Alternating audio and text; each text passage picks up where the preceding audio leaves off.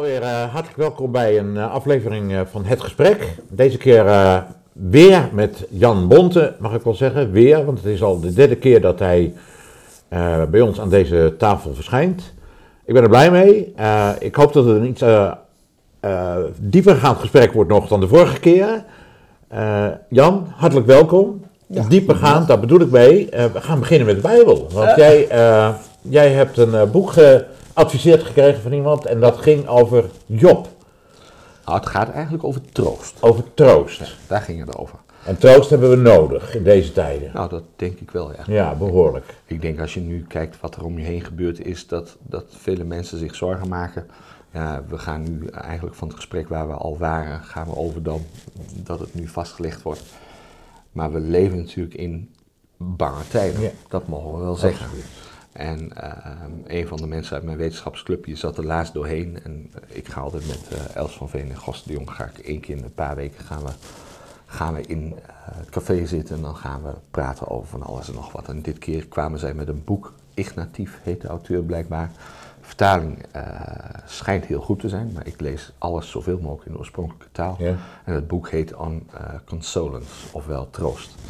En zij zei, dat moet je lezen. Ja. Ik heb het dus aan die, die uh, figuur uit mijn wetenschapsclubje gegeven, omdat die er doorheen zat. En toen zei ik, weet je, we hebben allemaal troost nodig. Misschien helpt dit. Jij hebt het gegeven Ik heb het gegeven. Ik heb het gestuurd. Ja, maar je had hem niet gelezen? Ik had hem niet gelezen, maar ik had uh, aan Gosse en Els gevraagd, is dit iemand die er doorheen zit? Is dit wat? Absoluut, zei Dat moet je sturen. Dat moet je gewoon sturen. En hij zei later van, hij was er wel in begonnen, maar het gebaar alleen was al. Hij zegt, dat was precies wat ik nodig, had. En dat merk ik bij heel veel mensen ja. Uh, in moeilijke tijden. Ja, het is, het zo mooi in, in een hele moeilijke tijd, bijvoorbeeld in, in, in de Bijbel, uh, als, uh, als het volk Israël er doorheen zit, dan moet Jezaja ineens beginnen te roepen, troost, troost mijn volk, spreek tot het hart van Jeruzalem. Dat is wat nodig is. Ja. Maar jij hebt ook iets gelezen over troost. En, en we hadden het net al over een stukje wat je aansprak. Paulus, Paulus over troost. Ja, ik heb nu het stukje van Job voor me. Dus Oké, okay, doe dat. Begin dat maar. Ja, is goed. Um, ik kreeg van Els, hoe, hoe, lees je de Bijbel? Waar begin je? Gewoon van A tot Z of begin je ergens mee? En toen zei ze, nou, met, met wat er nu gebeurt is Job misschien wel een goed voorbeeld. Ja.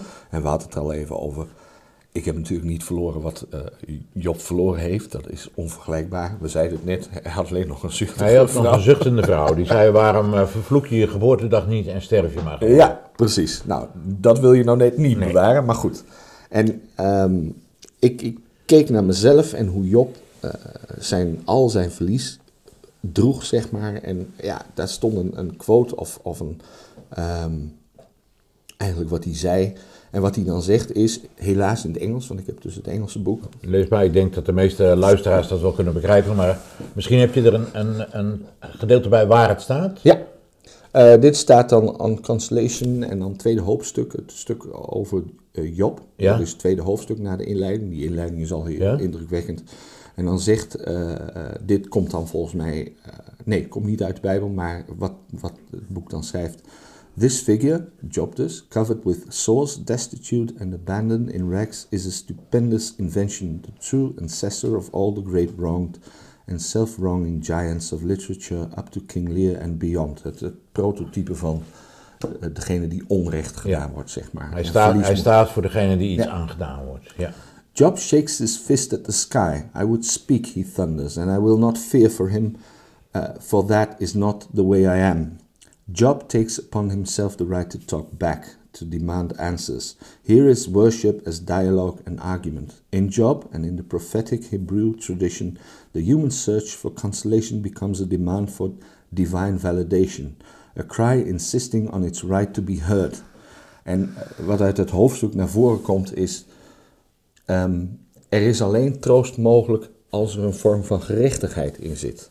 En dat vond ik inderdaad um, wat je ook de laatste tijden ziet, is dat mensen de mond gesnoerd worden, terwijl um, er moet een vorm van rechtvaardigheid zijn. En dat, dat geeft troost. En die rechtvaardigheid is, denk ik, heeft het afgelopen drie jaar, heeft in vele zaken wel ontbroken. Dat was natuurlijk al zo, alleen het werd nu heel erg duidelijk.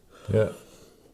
Weet je, wat, wat, even nog op dat Job doorgaan, dan gaan we misschien ook nog even op die, eh, zeker op die onrechtvaardigheid in de maatschappij door. Maar, maar Job die, die roept echt om gerechtigheid. Die zegt, kom op, wat heb ik misdaan? Ja, ik ben, ik ben volledig rechtvaardig. Ja. Hoe kan de rechter van de ganse aarde geen recht doen? Ja. Stel een rechter aan tussen ons en, en dan, dan komen we er wel uit. Dan, Ja. dan zal het duidelijk zijn dat ik dit niet verdiend heb. Ja, En zo, zo eh, steekt hij inderdaad zijn vuist op naar God. Overigens is dat, hè, wat je leest altijd is in de Hebrew Bible, het is veel meer voorkomend. Ik bedoel, het is niet zo gebruikelijk onder een heleboel christenen, want die buigen me al te graag. Maar in de Bijbel zie je mensen die opstaan. eh, eh, opstaan. Hè? Als, als God tegen Abraham zegt, eh, ik, ga, ik ga er een eind aan maken met Sodom en Gomorra, dan gaat hij voor hem staan en dan zegt hij, dat kunt u niet maken. Hoe kan de rechter van de ganse aarde geen recht doen? En dan gaat hij pleiten, weet je. Dus Ja. dat, is, dat is de vorm van gesprekken met God. ja, En uiteindelijk, uiteindelijk, weet je, God die, die, die zet hem wel op zijn plek. Die zegt, "Wa- eh, luister even, waar was jij toen ik de aarde schiep? Ja. Heb jij de krokodil gemaakt? Heb jij de, noem maar op. Eh, Heb jij, heeft de regen een vader? Heeft Nou, wie dat ben soort jij dingen. om Wie ben jij om dit te, te zeggen? ja. Maar uiteindelijk, aan het eind, zegt hij toch, eh, Job heeft recht van mij gesproken. Al die vrienden, hij had drie vrienden en Ja. een vierde geheimzinnige Ja. vriend. Ja, Die hadden allerlei geheimzinnige verklaringen. Je hebt vast dit fout gedaan. Precies. Het is daar misgegaan en je hebt zus gedaan. Uiteindelijk zegt God, jij hebt recht van mij gesproken. ja. En Dat, eh, dat moet jij maar gaan bidden voor, voor je vrienden, want anders komt het met hun ook niet goed. Nou, dat zegt hij inderdaad. Ik kan, kan het zo snel niet terugvinden. Zo van, ja, weet je, mijn vrienden hadden allerlei excuses waarom mij dit moest overkomen. Maar er was geen reden. Nee. En misschien begrijp ik het niet, maar er was geen reden. En dat zie je ook, dat zie je echt één op één terug de, la- de laatste jaren bij mensen. Dat eh, als je in een bepaalde positie gedwongen wordt, je zult het er wel naar gemaakt hebben. Ja. Eh, en dat is hierom of daarom, terwijl er helemaal geen reden voor was. En helemaal geen rechtvaardiging voor was. Ik vind het boek echt, ik, ik ben nu pas bij hoofdstuk 3, maar ik vond de eerste twee hoofdstukken over eh, Job en Paulus vond ik al zo de moeite waard. geweldig. Ja, bij Paulus had je een stuk over eh in Ja. Korinthe 13, over de liefde. Ja, jij weet dan waar dat Ja. staat. Ik Ja. niet. Ja, ik maar wel. eh, Paulus, Paulus is dan zijn leven bezig met van, nou ja, weet je, eh, de verlosser komt, het, het koninkrijk gods komt, dat kwam niet. Hij heeft veel geleden. Was een ander boek wat iets over zijn persoonlijkheid schreef, want hij verdroeg dus alles. Hij is eh, mishandeld, opgesloten, eh Gestenigd, geslagen, gestenigd. eh, noem Hij- maar op. Ja. Ja, Dus hij had wel een bepaalde karaktertrek, maar goed, dat is altijd lastig om daar, eh, om terug te kijken. Hij was zelf ook niet makkelijk trouwens. Nee, in het begin, nee, dat hij heeft, hij heeft de kerk behoorlijk vervolgd. Ja, Dus eh, hij kon er ook wat van. Ja. Eh, even kijken of ik dat nog terug kan vinden. Ja, uiteindelijk zegt hij dan, en dat, dat vond ik ook een, een heel indrukwekkend eh, iets wat hij zei. Goed, ehm, misschien maak ik niet mee dat het koninkrijk komt. En, maar wat, is nou, wa- wat, wat heeft mij nou getroost en, en wat is nou belangrijk? En dan zegt hij, If I have faith that can move mountains, but I have not love, I am nothing. If I give all I possess to the poor and surrender my body to the flames, but have not love, I gain nothing. Love is patient, love is kind. It does not envy, it does not boast, it is not proud. It is not rude, it is not self seeking, it is not easily angered, it keeps no records of wrongs. Love does not delight in evil, but rejoices with the truth. It always protects, always trusts, always hopes, always perseveres. Eigenlijk zegt hij, wat mij getroost heeft, waren de mensen die ik tegenkwam. De mensen met wie ik mocht praten, met wie ik mocht omgaan, met wie ik, van wie ik hield. Ehm, en dat was voor hem al de troost. Dat, daar hoefde dat koninkrijk niet voor te komen. Ook dat vond ik een hele mooie gedachte, want Dat sprak jou bijzonder aan. ja, ook omdat je nu in dit soort tijden op, een op hele gekke manieren mensen tegenkomt waarmee je datzelfde hebt. Met, met, met wie je kunt praten, met wie je kunt lachen, met wie je kunt huilen. Eh, ik zie mensen die, of ik heb onder mijn volgers mensen die, ehm, waarvan de echtgenoot iemand overleden is, een hartspierontsteking, die dus overal bot vangt, die officieel niet eens als gevaccineerd eh, te boek staat, want dat is pas 14 dagen na de tweede prik, maar daarvoor was hij al dood. Ehm, er was iemand die zei van ja, ik ben een fan van jou en eh, ik wil graag jouw boek kopen. Ehm, maar ik zou het zo leuk vinden als je dan bij ons kwam eten. En mijn vrouw is dan jarig en dan nou, kom ik. En normaal zou ik dat nooit doen. Ik ben nogal eenkennig. Maar toen dacht ik, eh, wat mij doorslag gaf was, hij, ik ben ook van boerenafkomst. En je houdt, en je houdt van eten, toch? Ja, Absoluut. en eh, er werd boerenkool met spek en worst. Nou, dat is Ja. Het eh, scenario waar ik me wel thuis voel. Er moet niet iemand naast mij staan die me vertelt wat in dat hele kleine liflafje op het bord ligt. Nee. maar gewoon boerenkool met worst, geen Dat probleem. fijn. En het was ontzettend gezellig. En dan hoor je van zo'n man dat hij ook zijn, zijn, zijn, een heel nieuw netwerk van mensen heeft eh, kennen die kritisch kijken, die twijfelen, die eh, ook angst hebben voor de toekomst. Ehm, daar zie je datzelfde in terug. En nogmaals, ik vergelijk me niet met Paulus. Ik heb bij lang, lange na niet meegemaakt wat hij gemaakt heeft. De enige geestel die ik hoef te verdragen zijn de mensen die eh, me besmeuren. En, eh, Je hebt ook gevangen gezeten zelfs, toch? ik heb, ja, zo waar, Ja. ook nog 37 uur. Ja? Ja, ik kon Ja. uren goed tellen. Ja. Ehm, maar het is hetzelfde principe, is dat natuurlijk, we willen een andere wereld, we willen een betere wereld, maar die is er niet. Die komt er misschien de eerste komende tijd ook niet. Misschien niet gedurende de tijd dat wij leven, maar die mensen zijn er wel. Die mensen kun je wel aan ophalen, daar kun je wel, eh, daar kun je wel vertrouwen in hebben. Maar nou, nou heet dat boek wat je leest, ik heb het zelf nog niet gelezen. Ik heb wel Nee. even online gekeken wat eh, globaal de inhoud is natuurlijk, want je had het erover gehad. Maar dat boek heet Hoop in het Nederlands. Het is inderdaad in het Nederlands ook eh, verkrijgbaar. Het heet volgens mij troost.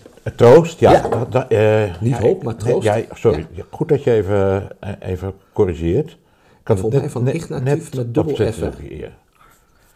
Linnaeus Boekhandel. En het heet Troost. Even kijken. Nou. Ja, hier heb ik hem. Nee. Nou, Nee, het is, het is We gaan het, eh, groen of egaal ja. rood, geloof ik. daarnet had ik hem netjes en ik dacht ik open hem zo weer, maar dat is even niet gelukt. Nee, dat is altijd met techniek. En als je ouder wordt, wordt het alleen maar erger. Troost. Ik heb gezocht naar troost. Volgens mij... nou Troost, troost, bakje, tro- bakkie troost. Ja, dat is ook altijd goed. Dat doen we met Berg, Bergsma. Een bakje met de Bijbel. ja, troost En, Eens even kijken. Eh, eh, Michael Ignatief. Ja. Troost. Als licht in donkere tijden. ja, In het Nederlands. Le- leverbaar bij Linnaeus Boekhandel. inderdaad, egaal rood. Ik, wist ik had het plaatje gezien. Maar goed, ik heb Het ziet er, dus in. het ziet er eh, bijzonder mooi uit, vind ik. Ja. Aan de buitenkant. En als je leest wat erin staat. Maar dan gaat het over troost. Maar wat voor troost haal jij eruit? Dat, je hebt natuurlijk ook nog maar drie hoofdstukken gelezen. Maar wat is de troost nou? De ontmoeting met mensen die het ook niet weten. Ja. Want wat deze man zei, want hij zei van ja, nou ja, ik eh, kijk toch wel een beetje tegen je op. En toen zei ik, nou, dat is nergens goed voor. Ik ben nog steeds dezelfde boerenzoon die een paar boekjes gelezen heeft en dan een, eh, een titel krijgt. Ehm, en je hebt nu gezien dat eh, een kritische, ehm, twijfelende opstelling niks te maken heeft met opleiding. Sterker nog, het lijkt wel alsof eh, hoger opgeleiden nog dwazer achter dit beleid aanliepen dan de mensen die wat eh, minder opleiding hadden genoten. Staat me sowieso al tegen dat hoger opgeleid, want wat, wat heel veel mensen als hoger opgeleid benoemen, mag je nauwelijks een opleiding noemen. En wetenschappelijk is er al helemaal niet op van toepassing. Ehm, Wat is dat eigenlijk trouwens? Even tussendoor. Wetenschap? Of is dat een te grote zijsprong? dat is wel een hele grote Ja, zijsprong. Wat is Maar wetenschap? goed, ja, misschien moeten we eerst even doorgaan. En, want Nee, het nou, straks nog wel het, even het over ging hebben. erover en eh, hij zei, wat, wat de hele periode met mij gedaan heeft, en dat ken ik heel goed, is dat je overal aan gaat twijfelen. Ik heb natuurlijk nu de marketing gezien van deze vaccins en eh, die twijfel verspreidt zich. Ik heb daar een stuk over geschreven. Is het allemaal wel zo goed bekeken? Eh, is het allemaal wel zo goed onderzocht? En dat is ook, eh, welke maatschappij willen we inleven? Wij, wij keutelden maar wat door en ach, het, het ging een bepaalde kant op. En soms zag je wel eens, je, nou, dit is eigenlijk te gek. Maar dat was ver van mijn bedshow. En nu, nu twijfel ik aan van alles en nog wat. Nou, je, hebt, je hebt zelf een, eh, een eh, boek geschreven, eh, Jan, Een met bundel. je een bundel van, Ja. je, van je columns. En als je dat terugleest, ik heb het boek nog niet gezien, maar wel je columns natuurlijk. Dus Ja. ik kon het wat dat betreft gewoon lezen. Maar dan denk je af en toe, in wat voor een dystopische maatschappij hebben wij geleefd? Wat is er eigenlijk gebeurd? We hebben, we hebben ons, nou ja, een heleboel mensen in ieder geval, hebben zich laten opsluiten. Hebben mondkapjes voorgedaan, hebben s'avonds om tien uur de avondklok in acht genomen. Eh, hebben we met niet meer dan twee mensen in huis gezeten. De, de voetbalcompetitie is afgelast. Er is.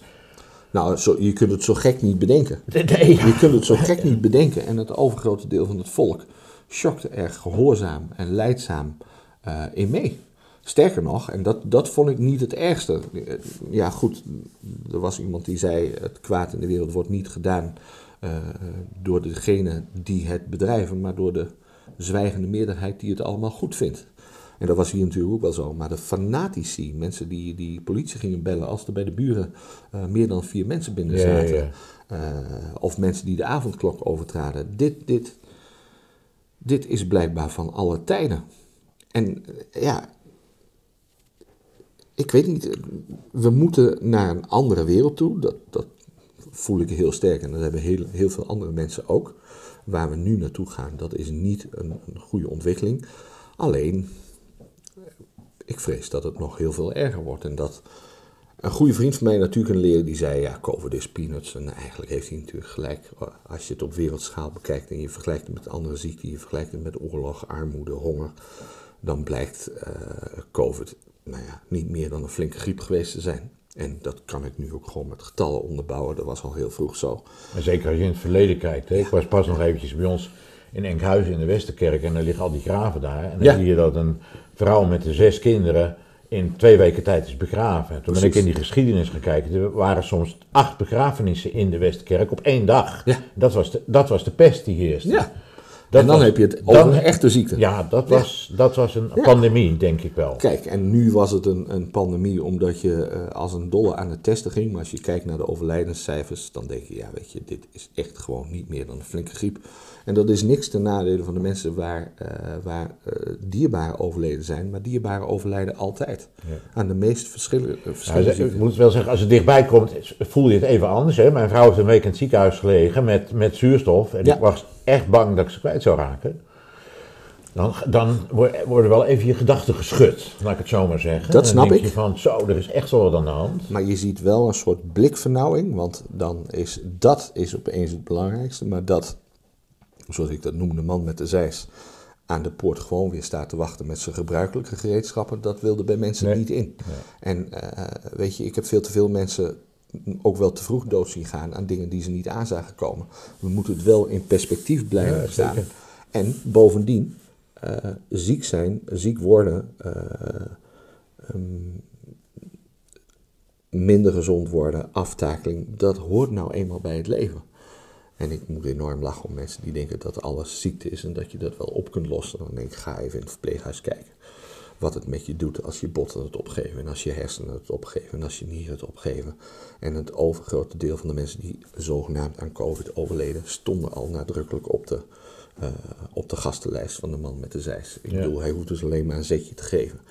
Nou, dat, is eigenlijk, dat is eigenlijk precies hetzelfde weer als Job. Hè? Dat, dat die vrienden die denken van, ja, dit kan helemaal niet. Je Nee. er moet iets fout gegaan Ja. zijn, want anders word je niet ziek. Nee. Terwijl uiteindelijk, ik bedoel, er zit wel een verhaal achter, maar daar- ga ik nu nog niet eh, op in. Maar de- uiteindelijk zegt Job, eh, ik heb, eh, hij heeft ook niks fout gedaan. En hij steekt ook zijn hand op. Ja, En God zegt, luister nou, eh, laat mij nou. ja, Hij heeft nooit geweten, want er zit natuurlijk aan het begin van het verhaal zit er een soort hemelstafereel vooraf, waar er een, een merkwaardig overleg is, maar een overleg tussen Satan en God en, en er een soort proef eh, opgesteld wordt. Dat heeft Job nooit geweten. Nee. In het hele boek komt dat niet naar voren. Hij, God heeft hem dat niet verteld. nee. Eh, hij, hij is gestorven met het idee van, nou, het is me overkomen en ja, dat is het dan. Ja, en dan kun je over dat overleg nog wel zeggen, waarom laat je je als God daartoe verleiden? Maar daar geldt weer hetzelfde. Misschien begrijpen we dat niet goed. Maar als je dan terugkomt naar, teruggaat naar eh, waar wil je naartoe? Eh, misschien begrijpen we niet alles wat er gebeurt. Eh, Zeker niet, zeker niet. Er overkomt ons van alles.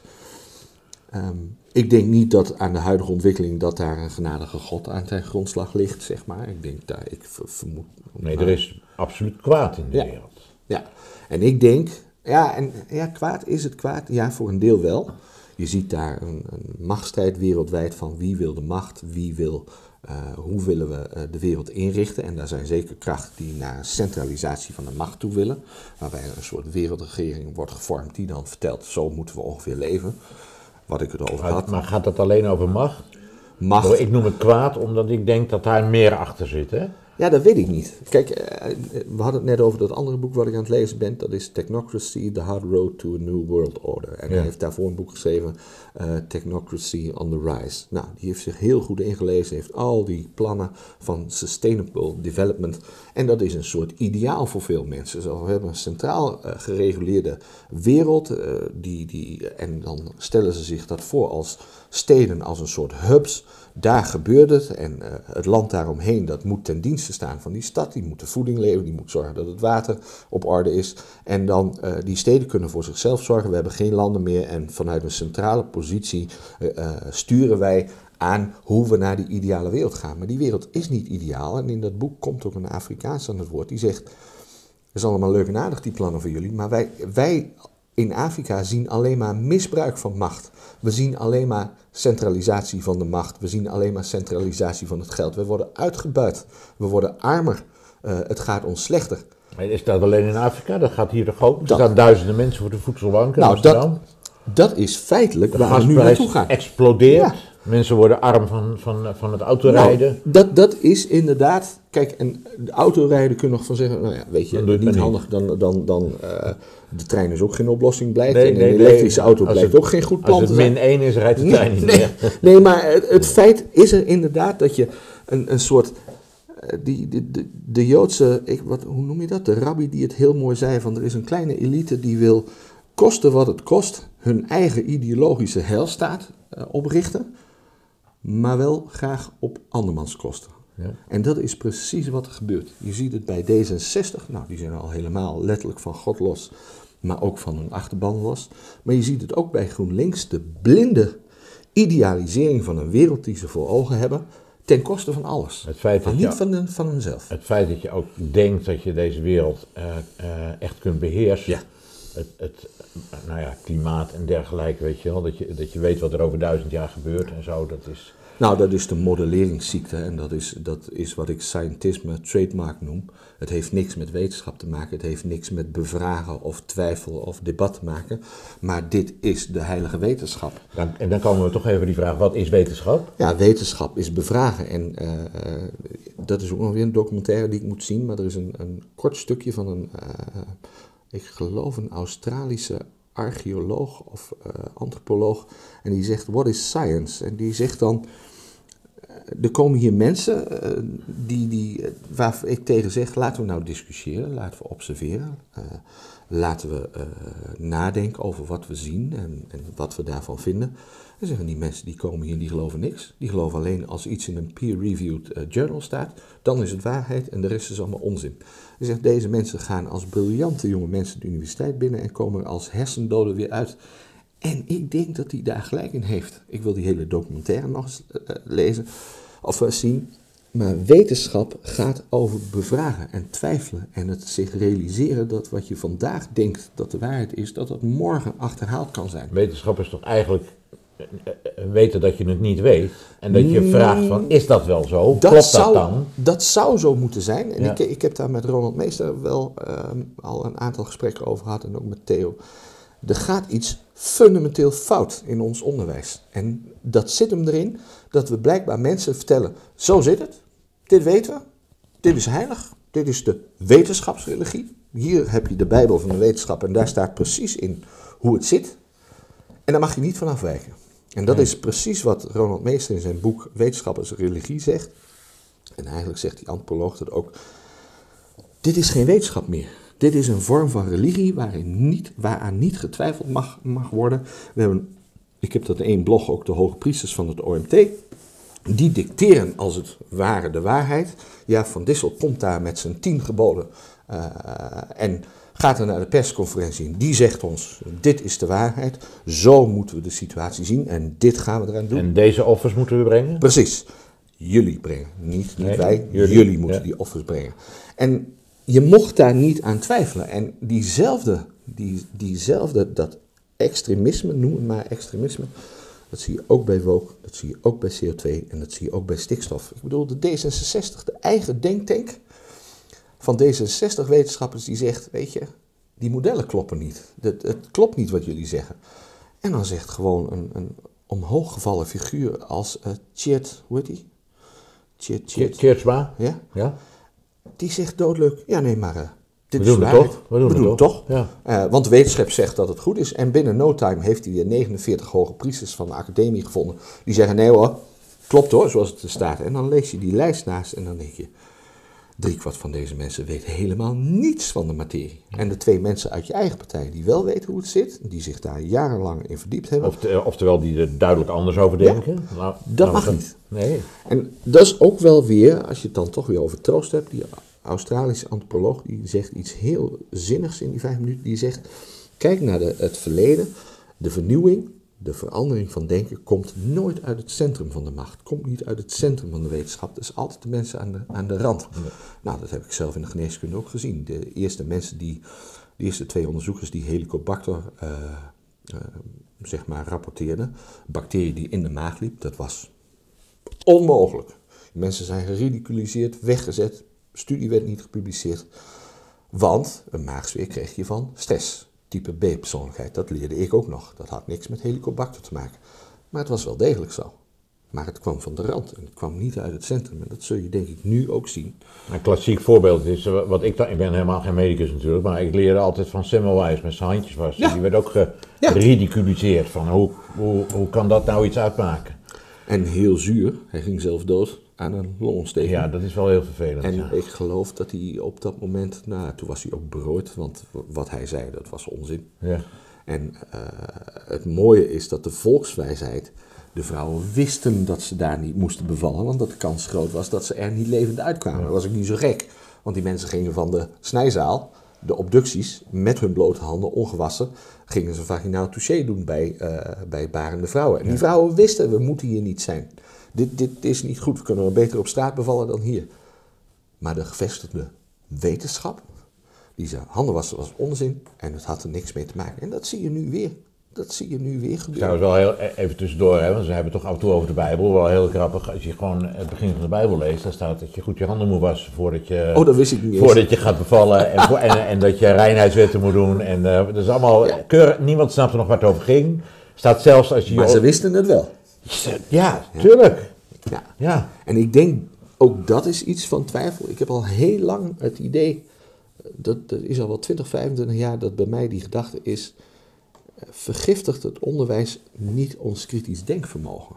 Moet je niet oppassen met mensen eh, te indoctrineren met kennis waarvan je stelselmatig zegt, dit zijn de feiten. En eh, daar hoef je niet aan te twijfelen. Je zou mensen op moeten voeden met de gedachte van, oké, er is Oh, meesten denken nog iets anders over, maar laten we zeggen, er is zoiets als een objectieve werkelijkheid. Maar die werkelijkheid kennen wij niet. Dus wij kunnen daar, die werkelijkheid kunnen we benaderen, maar we zullen nooit weten in hoeverre eh, wat wij als werkelijkheid beschouwen en de werkelijke werkelijkheid, hoe groot dat verschil is. En je zou kinderen van jongs af aan moeten leren dat wat wij denken te weten en wat wij denken eh, hoe een wereld in elkaar zit, dat dat niet het echte is, maar het model wat wij ervan gemaakt hebben. En dat sommige dingen misschien heel dicht de werkelijkheid benaderen, dat zou kunnen, maar dat andere eh, in, zelfs in 10, 20 jaar tijd volledig over de kop kunnen gaan. En dat heb ik bij het stollingssysteem gezien. Dat is in, in 20 jaar dat ik het volgde, is daar, zijn daar één na de andere. Eigenlijk is de, de- het hele stollingssysteem volledig op zijn kop gegaan. Wat eerst als bijzaak werd beschouwd, bleek de hoofdzaak te zijn. Ja. En dan nog weet je niet of dat de werkelijkheid is. Je moet mensen, als je het over wetenschap en onderwijs hebt, moet je ze leren te twijfelen. ja. En ik was zelf geen haar beter, want toen ik van de universiteit afkwam, was ik ook zo. Toen dacht je ook, we weten het. Ja? Is geneeskunde, is wetenschap, zo doen we het, de rest is kwakzalverij. Maar gaandeweg leer je dat wat je dacht te weten, dat het niet uit blijkt te komen. Ik heb thuis een heerlijk boek liggen van twee Amerikaanse wetenschappers. Ene naam ben ik even vergeten, maar de andere heet Cham, of C-H-A-M, Gam, zeg maar. Ja. Daarom onthoud ik hem ook, Sam Ja. Gam en Javit. Hè? Ja. En die hebben een boek geschreven, wij hebben geen idee. En dat zijn wetenschappers die zeggen van, wij denken dat we een heleboel weten, maar we weten hoogstens iets van 5% van de werkelijkheid. En zelfs dat weten we niet zeker, want we weten niet hoe groot de werkelijkheid is. Dus zulke heerlijke bescheiden dingen die daarin staan, van wij hebben eigenlijk geen idee. Natuurlijk hebben we hier en daar wel ideeën wat we kunnen doen, Ja. maar... Of het werkt heel aardig, zeg maar. Ja, ja. En, en eh, Taleb is daar heel makkelijk in. Die zegt van, ja, weet je, ehm, hij zegt feitelijk twee dingen. Die zei, welvaart komt voor onderwijs. En daar heeft hij echt een, een gevoelig punt. Welvaart wordt, eh, wordt eh, gevoed door twee dingen, dat zijn grondstoffen en handel. En daarna komt er onderwijs. Nou, je ziet een letterlijk voorbeeld zie je in, in de Verenigde Arabische Emiraten, die als het ware een kopie van de Amerikaanse universiteit daar neer, gewoon neerplanten. Geld zat, dus geen probleem. En het tweede eh, is, ehm, is, wij denken dat we met onze kennis de toekomst kunnen voorspellen. Dat zie je in de geneeskunde heel letterlijk. We, hebben een theorie en dan gebeurt er dit. En dan blijkt het toch anders te zijn. Eh, hij zegt eigenlijk, we rommelen wat aan. Dan zien we een bepaald resultaat, daar bedenken we een theorie bij. En die theorie gebruiken we om toekomst te voorspellen. En dan blijkt dat die theorie niet deugt. Dat is wetenschap. En dan schaaf je een beetje aan die theorie of je gooit hem helemaal weg. En dan heb je een volgende theorie en dat lijkt het dan iets beter te doen. Maar in bepaalde gevallen klopt het weer niet. Dus dan ga je weer verder. Met andere woorden, wat wij als wetenschap beschouwen is niet het heel goed nadenken over iets en dan kunnen denken eh, of kunnen voorspellen hoe iets wordt. Nee, je doet iets, het experiment, dat is echt de kern van de wetenschap. Je hebt een experiment of je kijkt goed naar iets wat er gebeurt, je bedenkt er een theorie bij en die theorie klopt niet, dus je moet hem aanscherpen. Verifiëren, falsifiëren, dat is wetenschap toch? Ja. En En wetenschap dat is is de niet... afgelopen tijd eigenlijk niet gebeurd. Nee. Als het gaat over, dan gaan we toch weer even naar de situatie terug. RIVM, eh, wetenschappers, Koopmans, Fauci, nou, noem de hele club maar op. Ja. Daar is niet geverifieerd en gefalsificeerd, daar is maar wat geroepen, toch? Nou, het is verschrikkelijk. Zeker als je, ik geloof dat, ik ben er even niet bij, maar volgens mij zijn er 148 OMT-adviezen. En die 148 OMT-adviezen zijn pure expert opinion. En dan kun je expert nog tussen aanhalingstekens zeggen. Ze onderbouwen niks. Eh, de wetenschap die op dat, of de, de wetenschappelijke kennis die er op dat moment al was, wordt gewoon terzijde geschoven. Eh, volgens mij lezen ze het niet eens. Theo Schetter zegt daar volgens mij weten ze het gewoon helemaal niet. Dat geloof ik ook inderdaad. On- eh, niet kwaadwillig, maar on- onkundig. wisten het gewoon niet, onkundig, deden uitspraken over dingen. Eh, Marion Koopmans is viroloog, ze is niet eens epidemioloog en die deed uitspraken over een avondklok en over schoolsluitingen en over mondkapjes. Zaken waar ze de ballen verstand van heeft en haar mening niks meer waard is als die van jou en mij. De studies die er waren gewoon terzijde schoof. Zelfs, zelfs de, de, de handreikingen van mensen die veel meer ervaring hadden dan zij, gewoon ook afdeed als onzin. En dat doet ze tot op de dag van vandaag. Maar is dat, is dat dan echt alleen maar onkunde? Of Nee, zit dat daar is- ook een dat stukje is- kwaadaardigheid bij? Eh, mensen als Bonten en Koopmans, die zijn echt kwaadaardig. En zo pak ik ze ook aan. Ja. Dit is wat, wat men zegt van eh, de universiteiten, net zoals vroeger de Rooms-Katholieke Kerk. Op een gegeven moment wordt het een strijd om macht en dan trekt het de meest narcistische eh, en ook sociopathische figuren aan, want die willen daar op de top van die berg zitten. Dus ik denk inderdaad dat mensen als Koopmans en Bonten, en dan kunnen ze zich vriendelijk voordoen of niet, en dan kunnen ze van mij een botte boer vinden die ze snoeihard aanpakt, dat mag allemaal zo zijn. Maar daar vermoed ik echt wel een kwaadaardige factor. En dat zie je ook in die papers over Marion Koopmans. eh, die net die e-mailwisseling die er geweest is, die nu naar buiten komt. En dat is gewoon van begin af aan. Ja, steeds minder zwart gelakt gelukkig, dus we Precies. gaan steeds meer weten. Ja. En daar komt ze niet goed uit. Nee. En een ander punt is, als je het dan toch inderdaad weer over wetenschap hebt, een heel praktisch punt zijn die mRNA-vaccins. Ik ben nu die fysiologie van die mRNA's eh, ben ik aan het uitpluizen. Dat is redelijk complex. En dan zie je 2018 een review over die mRNA-technologie, waarvan ze eerlijk zeggen, dit weten we niet, dat weten we niet, dat weten we niet, dat weten we niet. Dat wist in t- eh, 2020 nog steeds niet, maar desondanks werd het er eh, in, in eh, werd ermee van start gegaan. En er staat een prachtig plaatje over, dat, eh, het wordt dan in de schouders ingesproten. En dat gaat dan naar de lymfeklieren, wordt opgepakt door immuuncellen. En die reizen naar die spieren, die maken er eiwitjes van en presenteren ze aan het immuunsysteem. In het hele stuk geen woord over, goh, zou dat spul ook ergens anders naartoe gaan? Niks, stond niet in het plaatje. Terwijl we op dat moment al wisten dat het zich wel degelijk in het lichaam verspreidde. Er waren een paar apenstudies en muizen. Nu, tot mijn stomme verbazing, echt, ik, echt verbaasd, dat messenger-RNA in die vaccins, daar is uitgebreid aangesleuteld, waardoor het langer blijft bestaan, minder snel afgebroken wordt, veel efficiënter eiwit afschrijft. Dus het is een soort turbo-mRNA. Niemand heeft nagedacht over het feit hoe lang blijft het eigenlijk in het lichaam zitten. Maar wat nog veel belangrijker is, je zou eigenlijk willen weten, je stopt dat turbo-mRNA, dat gooi je als een koekoeksei die cel in. Weten we eigenlijk wat dat iets doet met het normale celmetabolisme? En dat, die, die, die cel heeft natuurlijk zijn onderhoudsprogramma van allerlei eiwitten, die moeten constant gemaakt en vervangen en afgebroken worden. Dan zijn er eh, eh, hele programma's die tot expressie komen als zo'n cel onder, onder dreiging komt, zeg maar, bijvoorbeeld heat shock proteins, dan gaat er een heel programma draaien, waardoor de eiwit gemaakt wordt die die cel als het ware moeten beschermen. Weten we nou werkelijk iets wat dat turbo-mRNA doet, wat je daar als koekoeksei ingooit? Hoe verstoort dat de, de functie van die cel? En ik heb dat Theo Schetters gevraagd en ik heb Pieter Borgen gevraagd. Zij zijn stelliger dan ik, die zeggen, ik denk niet dat dat ongestraft kan. Ik weet het niet. Maar het, het enge is dat we het gewoon niet weten. Nee. En dan zegt laatst een, een heel recent artikel. Ja, ja, we weten eigenlijk verbazingwekkend weinig van hoe dat mRNA eigenlijk afgebroken wordt. Dus daar gaan we eens naar kijken. Dit is wat ik bedoel. Je rommelt wat, je ziet een resultaat. En dan ga je eens kijken, goh, wat zien we hier eigenlijk? Maar je hebt er nu wel miljarden mensen mee ingespannen. Ja. Nou ja, en, en, en weet je, ik, ik heb vanmorgen de begroting zitten lezen van, eh, van de overheid, de conceptbegroting. Ja. Eh, daar staat niet alleen 160 miljoen op voor een coronapaspoort, maar ook voor de komende 10 jaar honderden miljoenen voor de vaccins die al vooruit worden eh, besteld en, en ingekocht. Ja. Dat is echt onvoorstelbaar. Dus we, we, we, we leren dus ook niet zo van onze fouten. Nou, de bevolking wel. Daar hebben we het ook al even over gehad. Ik heb vanmorgen toevallig even, ik kijk niet meer op die, op die website. Ik denk dat we COVID moeten beschouwen als iedere andere luchtweginfectie. Meer is het niet.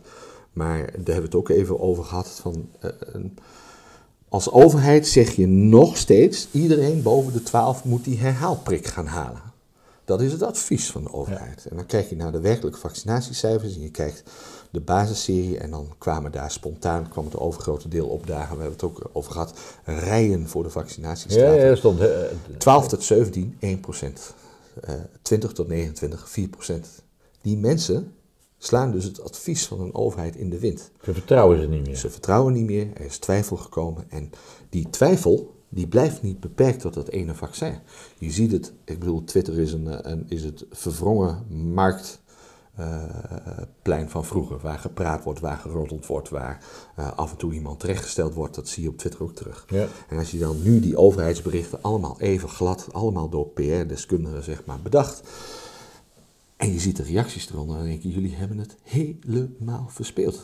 Je had zuinig moeten zijn op het vertrouwen. En er is maar één manier om zuinig te zijn op vertrouwen. En dat is mensen eerlijk vertellen wat je niet weet en wat je wel weet. En dat je een bepaalde afweging maakt waar een onzekere uitkomst aan vastzit. Maar dat je hoopt door dit te doen. Bijvoorbeeld als je boven de 60 jaar had gezegd, nou ja, we weten niet wat het vaccin op lange termijn doet, maar u heeft een redelijke kans om te overlijden aan COVID. Dat is de dingen die je eh, tegen elkaar af moet wegen en wat, wat is dan uw keus? Ja. Nee, dit werd als een soort, nou ja, weet je, Albert Heijn-ijs. En dat wordt het nog.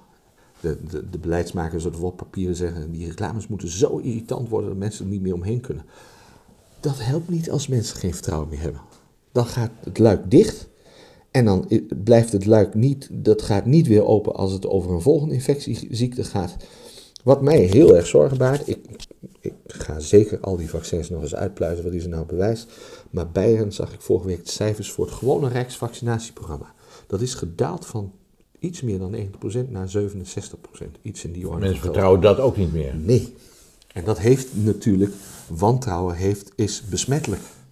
Als je het ene van de overheid niet meer vertrouwt, dat merk ik bij mezelf, kun je dan het volgende wel vertrouwen. Ik ging er altijd vanuit dat de Gezondheidsraad in ieder geval een afgewogen oordeel gaf over een vaccin. Ik ook, ja. Nu weet ik dat Roland Pierik daarin zit. Een absolute vaccinatiefanaticus die helemaal niks wil horen van kritiek. Vaccineren is heilig. Eh, dat is gewoon een heilige koe die die aanbidt. Ik noemde het gouden vaccinatiekalf, zeg maar, heb ik het in een van de blogs We blijven een beetje op de Bijbel, hè? Ja, want dat kalf komt ook uit de Bijbel. Precies, dat Dus, is een eh, soort afgod en vaccinatie is heilig. Die man heeft niet gehinderd door enige kennis van zaken. Ik vertrouw de gezondheidsraad niet meer. En om een ander voorbeeld te noemen, eh, gaat een hele andere kant op, maar Ron DeSantis zit daar om tafel en heeft een conferentie met artsen en ook een paar hele grote is er om de cent? is de gouverneur van Florida. Ja. Een van de weinige mensen die zich heeft laten leiden door mensen met een alternatief idee. Ja? ja? Eh, de Great Barrington Declaration. En die, die heeft daar een hearing. Nou, dat is op zich mooi. Maar wat zegt hij aan het eind? Wij gaan onze eigen gezondheidsraad bouwen. Want we kunnen de CDC niet meer vertrouwen. Nou, daar zegt dus iemand van 50, een van de 50 staten, niet de mensen, die zegt: Wij kunnen onze eigen overheidsorganisatie, die hiervoor verantwoordelijk is, niet meer vertrouwen op hun integriteit en objectiviteit. Dus we gaan het zelf doen. Dat is wat. Stel je voor dat morgen hier iemand zegt: In Overijssel bijvoorbeeld, heel klein, die zegt, ja weet je, die RIVM en de GGD, ze kunnen wat. We gaan het zelf doen. We gaan het zelf doen. Zover is het dus. Ja. Zover.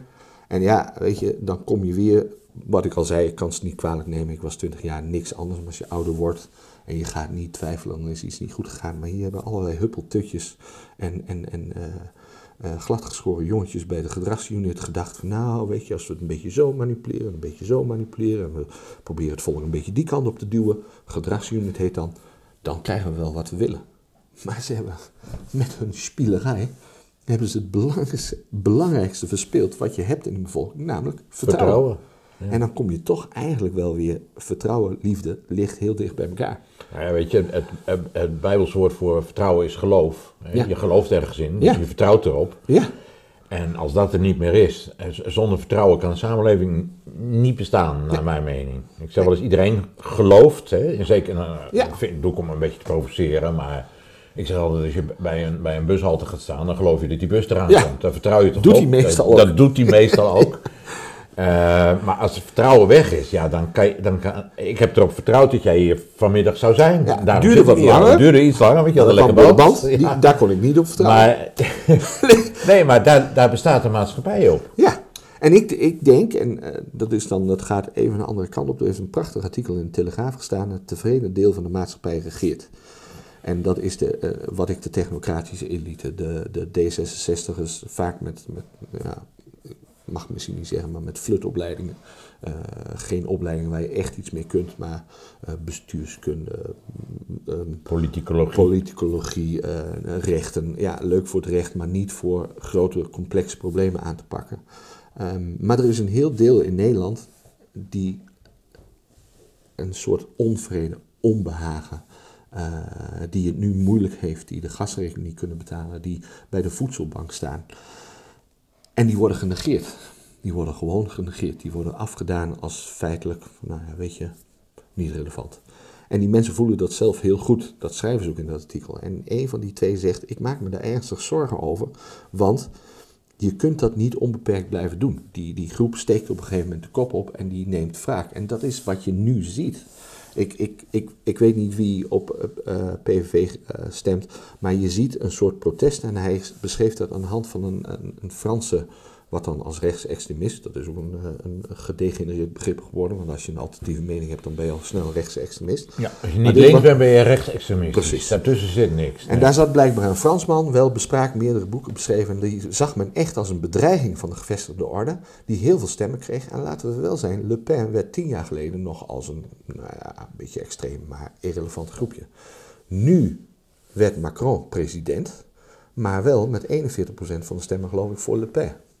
Dat is dus dezelfde onvrede die nu stemt en die zich daar ook niet meer eh, voor schaamt en die zegt, eh, we moeten, we moeten een andere kant op. Macron overleefde bij wijze van eh, dat een deel van de bevolking niet Le Pen als president werd, maar je zag bij de parlementsverkiezingen, hij is zijn meerderheid kwijt. Die elite wil zich niet realiseren dat ze heel hard naar hun eigen ravijn toe lopen. En dat zie je hier nu ook gebeuren. En dat gaat straks met, waarschijnlijk met de Eerste Kamerverkiezing voor het eerst gebeuren. En je ziet een soort tegenreactie. Jij ziet nog wel hoop in de verkiezingen. Ja, ik denk het wel. Tenminste, Ja, laat het ik is het zo wat we hebben hè? in, Het is- in het een is- democratie, toch? Het is de enige hoop. Want Ja. als we die niet meer hebben, dan. ehm, ik bedoel, Hannah Arendt, dat mag ik van Roland Pierik als simpele neuroloog, mag ik die niet citeren als Oké. heilige. Dat is alleen aan hem voorbehouden. Maar Hannah Arendt zegt het ergens op bladzijde 263 eh, in de Weimar Republiek. Reisa heeft daar echt een fantastisch boek over geschreven. Ik heb stukjes gelezen, maar nog niet helemaal. Maar die zegt, de, de zittende macht destijds, dus de bureaucratie, de ambtenaren, die gingen ervan uit dat die macht eeuwigdurend was. Zij hadden het recht op eh, het mandaat op geweld, zij hadden het mandaat op de macht en het zou nooit anders worden. Maar het werd heel snel anders en het ging als een, gewoon alsof de knop omgezet werd haast. Zag je die onvrede opkomen, daar waar de elite gewoon geen gehoor gaf aan de zorg, aan de werkloosheid, aan de armoede, aan de honger. En opeens ging het de andere kant op. En ik, ik denk dat je die parallel wel ziet nu. Nog Ja, vooral, steeds. vooral als je aan het eten gaat komen. Hè? Ja. Natuurlijk, hè? we hebben palingoproer gehad en aardappeloproer. En eh, ja, op, op dat soort gebieden zijn uiteindelijk Nederlanders ook wel in de, in de benen te krijgen. En kijk, de Chinezen. Totalitair systeem in een cultuur die, eh, laten we zo zeggen, waar het, het, ehm, de gemeenschap belangrijker is dan het individu. Die konden heel lang een zero-covid-beleid verkondigen, maar nu brak er een brand uit. Daar kwamen vier kinderen of een aantal mensen bij om, omdat die deuren waren letterlijk dichtgespijkerd. En zelfs daar zie je dan dat die onvrede opeens tot een uitbarsting komt. En dat hulpverleners eh, en ook politie moesten rennen voor hun leven.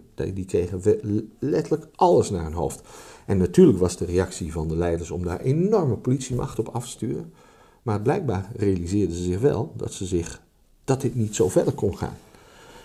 En ik heb hier nog steeds niet het idee bij onze regeringsmaatschappij dat ze het onheil op zich af zien komen. Nee, le- de, weet je, leiding moet nooit absoluut zijn. En wij zeggen hier wel, we hebben trias politica, wetgevende, rechterlijke en uitvoerende macht, maar die is veel te veel in elkaar geschoven. Eh, ik ga toch nog, ik bedoel, we gaan niet heel lang meer door, we zijn al een heel tijdje bezig, maar nog even iets uit de Bijbel. Weet je, al die Ja. machten komen daar, als je een koning David hebt, hè, ik denk bij jou wel bekend. Ja. Die doet gruwelijke dingen. Die eh, pleegt, nou ja, overspel met Batsba, dat doen al meer mensen, overspel plegen, maar even goed in Gods ogen gruwelijk. Ja. Maar hij stuurt haar man daarna naar het front en laat hem omkomen. Hij geeft hem zelf die brief mee, die hij aan de overste moet geven, waarin staat, zet hem vooraan, want dan komt hij om. Ja. Erger kan bijna niet, hè? Ja. Elke koning in het Midden-Oosten had absolute macht, altijd. Ja. Die kon dat gewoon doen en David dacht het ook even te doen. Maar daar komt dan de goddelijke trias politica, want er komt een profeet, Nathan, en die zegt, dat kun je niet maken. Nee. Jij- hij komt met een prachtig voorbeeld, dat ga ik nou niet helemaal eh, aanhalen, maar dat kun je niet maken. Jij bent die man, jij bent het en je moet boete doen. Dat gaat hij dan ook doen, maar dat kan hij ook weer niet zelf doen, want daar moet hij voor naar de priester. Want hij mag niet de tempel in. Dus daar heb je een trias politica, die, is on- die koning heeft geen absolute macht. En ik denk dat het hier misgaat waar mensen zich absolute macht toe gaan eigenen. Dat is Centralisatie van de macht. Ja. En de daarmee gepaarde arrogantie van de macht. arrogantie van de Je macht. ziet het bij Rutte, je ziet het bij Kaag. Eh, je ziet dat ze de wet opzij schuiven als hen dat zo uitkomt. Ze weten donders goed dat ze alles moeten archiveren. En nu zelfs schaamteloos WOP-verzoeken, Hugo de Jonge, VWS, die gewoon zegt, trek me niks van aan. Nee. Ja, en hij staat boete. veroordeeld worden het afkopen, de, de Ja. boete betalen. Ja. De boete die notabene door ons betaald ja, wordt. ja, ja, zeker. Ja. En die arrogantie. Ik zag het van de week ook weer eh, met die sms'jes en wat was het van de week toch weer het nieuws. En toen dacht ik, natuurlijk kun je dit nog doen. En natuurlijk kun je dit misschien nog een jaar doen en twee jaar doen.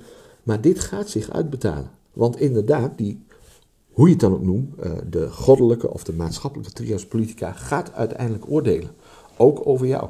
En je krijgt, er komt geen Gos de Jong heeft me heel lang geprobeerd. Ik ben natuurlijk verbaal, eh, we zeiden al, mijn, mijn vocabulaire scheldwoorden en eh eh bloemrijke ja, maar je leest nou de Bijbel, dus dat komt goed. Je, Nee, maar- je- daar- Oh, dat weet ik gaat ook wat goede woorden leren. Nee, maar hij zei, natuurlijk is het lekker om iemand, wat, wat ik doe, mensen die iets fout doen of in mijn ogen... Lucht op. dat lucht op. Hij zei, maar realiseer je altijd, er komt, er komt een dag dat die mensen bij je terugkomen. Op het moment dat je ze niet aan ziet komen. Veel te laat naar geluisterd, maar dat is inderdaad Ja. zo. Op het moment dat je zelf zwak staat of je staat in een moeilijke positie, Ja. dan komen die mensen ook bij je terug. En de arrogantie van onze huidige leiders, waar ik dan vooral Mark Rutte, Hugo de Jonge, Kaag, maar ook de hele D66-crew, de enorme arrogantie die ervan uitgaat. En in hun overtuiging dat ze dit eindeloos kunnen blijven doen en dat die macht nooit gebroken gaat worden, dat is een fatale vergissing. Dat is een fatale vergissing. Dat dachten, dat dachten de torenbouwers van Babel ook. Ja. we gaan het zelf doen, we gaan voor God spelen. En God knipte met zijn vingers en verstonden elkaar niet meer. We hebben OMT gehad. Nou, daar heb je de torenbouwers van Babel. Ja. En ik We denk, hebben nu gezien wat, we, eh, wat voor enorme bende de wereld wordt als we de wetenschappers en de politici hun gang laten gaan. En ehm, dat is geen best vooruitzicht. En ik denk dat we het einde nog niet gezien hebben. ik vind dat een, een mooi slot voor jou, eh, Jan. En ik ga daar een, eh, sluit, een sluitend woordje aan toevoegen. Dat is de ellende waar we in komen als we de, de wetenschap aan het woord laten. Ehm, en de wetenschap eh, mag ten dienste staan van de mensheid en, en vragen blijven stellen over de, de voortgang van, van alles wat we kunnen doen en weten en voorzien. Maar het moet altijd in een stukje afhankelijkheid gebeuren. In ieder geval in een controle gebeuren. En voor mezelf zeg ik dan, eh, weet je, eh, laten we die Bijbel maar gewoon wat meer open doen. Want er staat nog een heleboel wetenschap in, eh, die ze vroeger al wel wisten en die we nu heel erg vergeten zijn. En daar kunnen we nog heel veel wijsheid uithalen. Dank u wel voor het kijken. Ik hoop dat u het goed gevonden hebt. Als u het goed gevonden hebt, klik eventjes hieronder op like. En abonneer u op het kanaal. En ik zou zeggen tot de volgende keer. En Jan, heel hartelijk bedankt. Ik dacht we wel aardig aan de tijd zijn.